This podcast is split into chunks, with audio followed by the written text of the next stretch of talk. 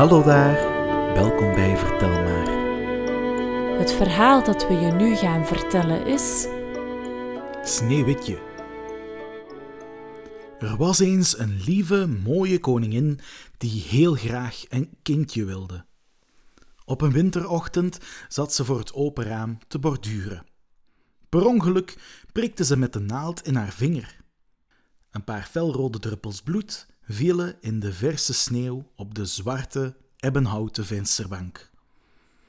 De koningin zei: Ik wou dat ik een dochtertje kreeg met een huid zo wit als sneeuw, met lippen zo rood als bloed en haren zo zwart als ebbenhout. Niet lang daarna kreeg ze precies de dochter die ze gewenst had. Het meisje werd Sneeuwwitje genoemd. Helaas duurde het geluk niet lang, want de koningin werd erg ziek en stierf. De koning trouwde met een andere vrouw. Ook deze koningin was prachtig mooi, maar ze was helemaal niet lief. Ze was verwaand en erg ijdel. Ze had een toverspiegel waarin ze zichzelf heel vaak bekeek. Steeds vroeg ze dan: Spiegeltje, spiegeltje aan de wand, wie is de mooiste van het hele land? En de spiegel antwoordde dan altijd: Majesteit, zo mooi als u is er geen. Edele vrouwen, u bent het mooist van iedereen. De koningin was dan helemaal in haar nopjes, want ze wist dat de spiegel altijd de waarheid sprak. De jaren verstreken en Sneeuwwitje groeide op tot een wonderschone prinses. Op een dag, toen de koningin weer vroeg wie de mooiste van het land was, antwoordde de spiegel: O koningin, heel mooi bent u. Maar prinses Sneeuwwitje is duizendmaal mooier nu. De koningin was niet boos, ze was niet kwaad, ze was woest. Ze kon het niet verdragen dat er iemand in het land mooier was dan zij. En zeker niet haar eigen stiefdochter. Ze was zo jaloers op Sneeuwwitje dat ze onmiddellijk een jager bij zich riep en snauwde: Ga op jacht in het woud en neem Sneeuwwitje mee. Zorg ervoor dat haar iets overkomt, zodat ze nooit meer thuis zal komen. De jager wist wel dat het slecht met hem zou aflopen als hij de koningin niet gehoorzaamde. Dus nam hij Sneeuwwitje mee naar het donkere bos. Juist toen hij genoeg moed had verzameld om haar te doden, begon Sneeuwwitje vreselijk te huilen. En ze smeekte. Ach, jager, laat mij toch leven.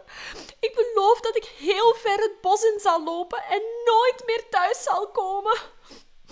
De jager kreeg medelijden met het prinsesje en zei: Ga dan maar vlug, meisje. Veel geluk. Daar liep Sneeuwwitje dan. Bang, moe en hongerig dwaalde zijn moederziel alleen rond, steeds verder het donkere woud in.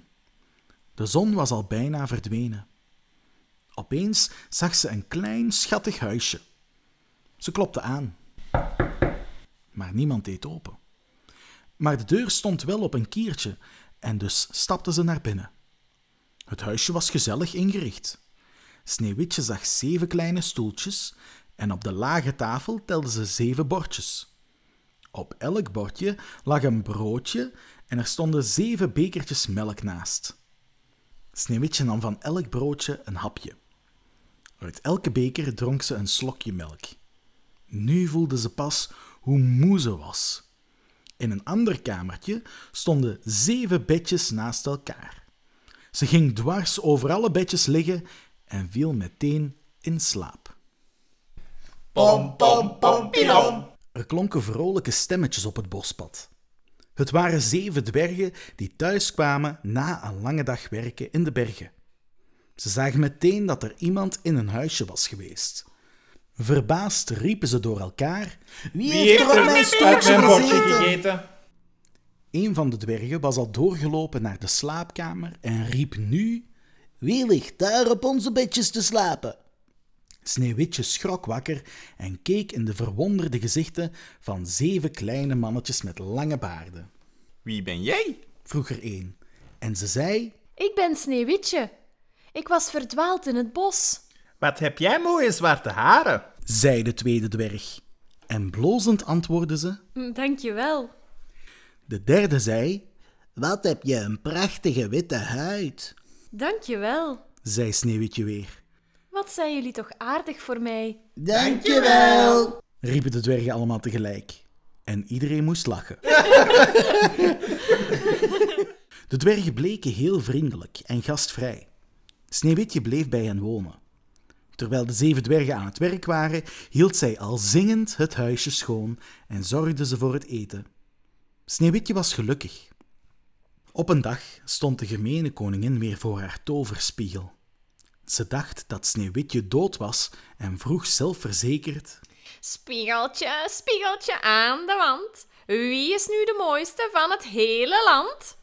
Verbluft viel haar mond open toen de spiegel zei: O koningin, heel mooi bent u. Maar prinses Sneeuwwitje over de hoge bergen, bij de zeven dwergen, is duizendmaal mooier nu, Wat? schreeuwde de koningin. Ze was niet kwaad, ze was niet woest, ze was ziedend. De sneeuwwitje leeft nog? Ze beende naar de kelders van het paleis waar nooit iemand kwam. Daar spoot ze een felgroen gif in een glanzende rode appel, Nu is het mene sneeuwwitje. zei ze hardop. Ze hield de appel omhoog en lachte vreed.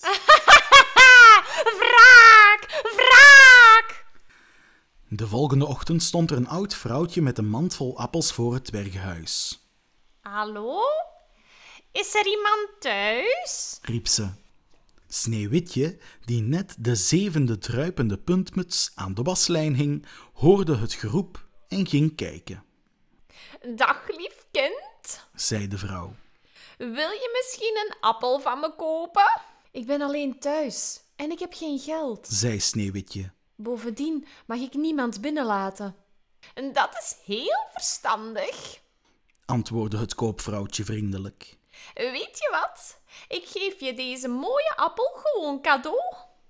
Sneeuwwitje pakte de appel beleefd aan. Hij zag er wel erg lekker uit. Ja, bijt er maar gerust in. Je gaat er echt niet dood van, hoor. Het meisje nam een hap van de verleidelijke appel en viel meteen op de grond. Lachte de vrouw triomfantelijk. Het was de valse koningin die zich vermomd had. Het is gelukt. Ik, alleen ik, ben de mooiste van het land. Ze liet Sneeuwwitje levensloos achter op de drempel van het huisje en vertrok. Pam pam pam pidam pam pam pi. Hela. De dwergen, die zoals altijd vrolijk zingend thuiskwamen, schrokken vreselijk toen ze Sneeuwwitje daar vonden.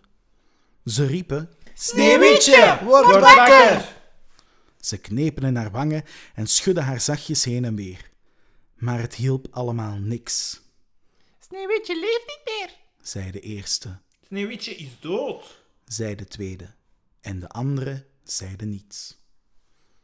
De dwergen waren ontroostbaar en huilden dikke tranen.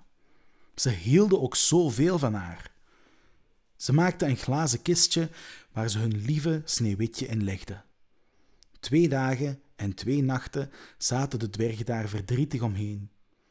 Ze keken naar haar sneeuwwitte huid, haar bloedrode lippen en haar gitzwarte haren. Het leek net alsof ze sliep. Op de derde dag kwam er toevallig een jonge prins op een prachtig paard langs. Hij zag Sneeuwwitje in de kist liggen en werd op slag verliefd op haar. Wie is zij? vroeg de prins. En een dwerg snikte. Dat is Sneeuwwitje. Ze is dood. Alle dwergen begonnen weer te snotteren. Mag ik haar alsjeblieft meenemen naar mijn kasteel? Ik zal heel goed op haar passen. De dwergen keken elkaar aan. Het was een rare vraag van de prins, maar hij klonk oprecht en dus vonden ze het goed.